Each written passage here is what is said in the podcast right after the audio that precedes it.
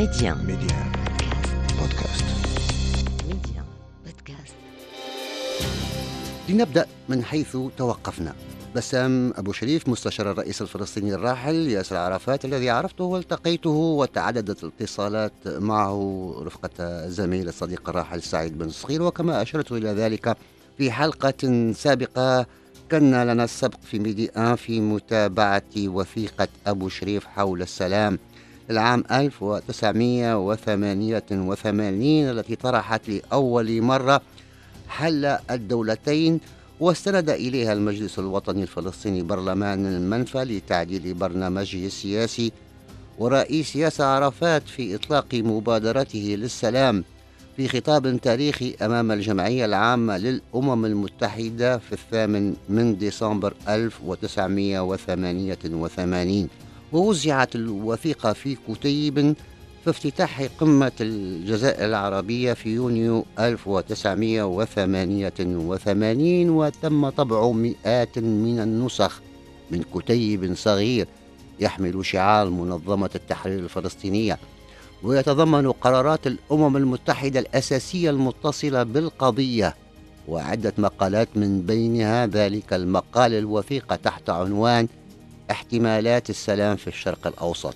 وأصبحت الوثيقة مدار حديث الصحفيين والمراسلين الحاضرين في أشغال القمة لكونها تطرح لأول مرة أفكارا ومواقف فلسطينية تدعو إلى حل سياسي وإقامة السلام على أساس دولتين على أرض فلسطين التاريخية.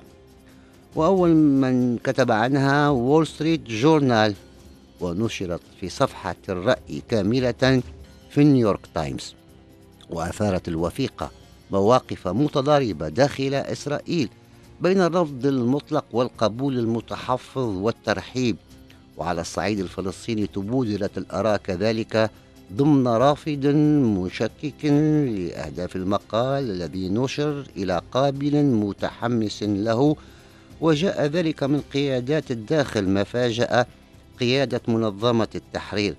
واستندت قيادات في الداخل إلى الوثيقة لشن هجوم سياسي كبير. طال الرأي العام الإسرائيلي لإظهار النوايا السلمية لمنظمة التحرير الفلسطينية ونفي التضليل الرسمي الإسرائيلي حول طابعها الإرهابي والإصرار على أن الانتفاضة حركة إرهابية وليست مقاومة شعبية وشرعية للاحتلال.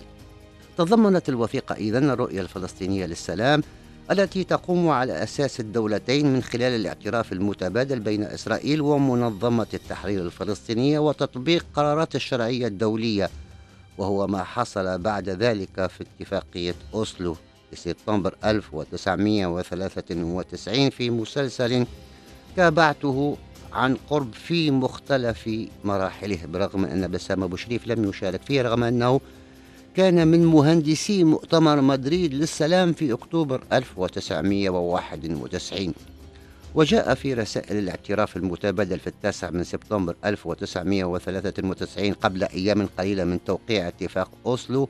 وافق كل طرف على القبول بالآخر كشريك مفاوضات واعترفت منظمة التحرير الفلسطينية بدولة إسرائيل واعترفت إسرائيل بمنظمة التحرير ممثلا للشعب الفلسطيني. ونص اتفاق إعلان المبادئ الإسرائيلي الفلسطيني أوسلو في مادته الأولى على أن هدف المفاوضات إقامة سلطة فلسطينية في الضفة الغربية وقطاع غزة لفترة انتقالية تتجاوز الخمس سنوات تؤدي إلى تسوية دائمة تقوم على أساس قراري مجلس الأمن الدولي 242 و 338 استمر بسام أبو شريف في عمله كمستشار للرئيس ياسر عرفات رغم عدم رضاه على مباحثات أسلو والاتفاق وحذر ياسر عرفات خطيا من مخطط لاغتياله ونشر صورة الرسالة في كتابه المهدى إليه ياسر عرفات. وفي هذا الكتاب سلط بسام الضوء على جوانب متعددة من شخصية وسيرة ياسر عرفات الذي سيبقى لغزا من الألغاز سواء في حياته أو موته حيث مثل على الدوام شخصية استثنائية حيكت حولها الأساطير ولفها الغموض. وبعد رحيل ياسر عرفات في أحد مستشفيات باريس نحي أبو شريف من موقعه بقرار من الرئيس محمود عباس.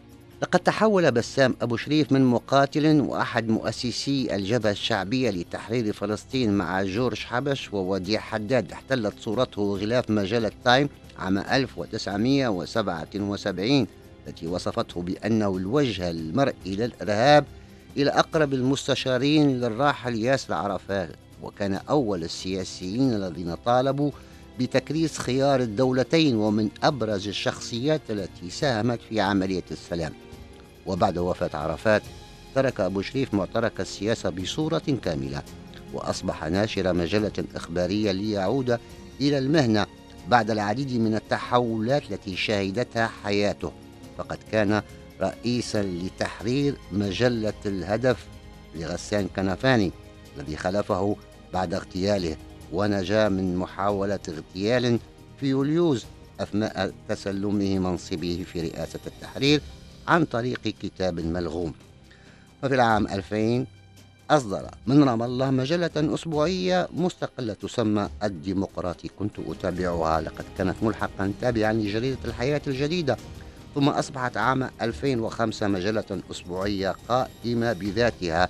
وأول مجلة إخبارية فلسطينية مستقلة نظرا لكونها لا تتلقى تمويلها من قبل أجهزة السلطة وتتشابه من حيث الشكل والمحتوى مع مجلات دولية أخرى احتذى بها أبو شريف لإنشاء مجلته مثل تايم الأمريكية ودير شبيغل الألمانية. وللحديث بقية في لقاء قادم.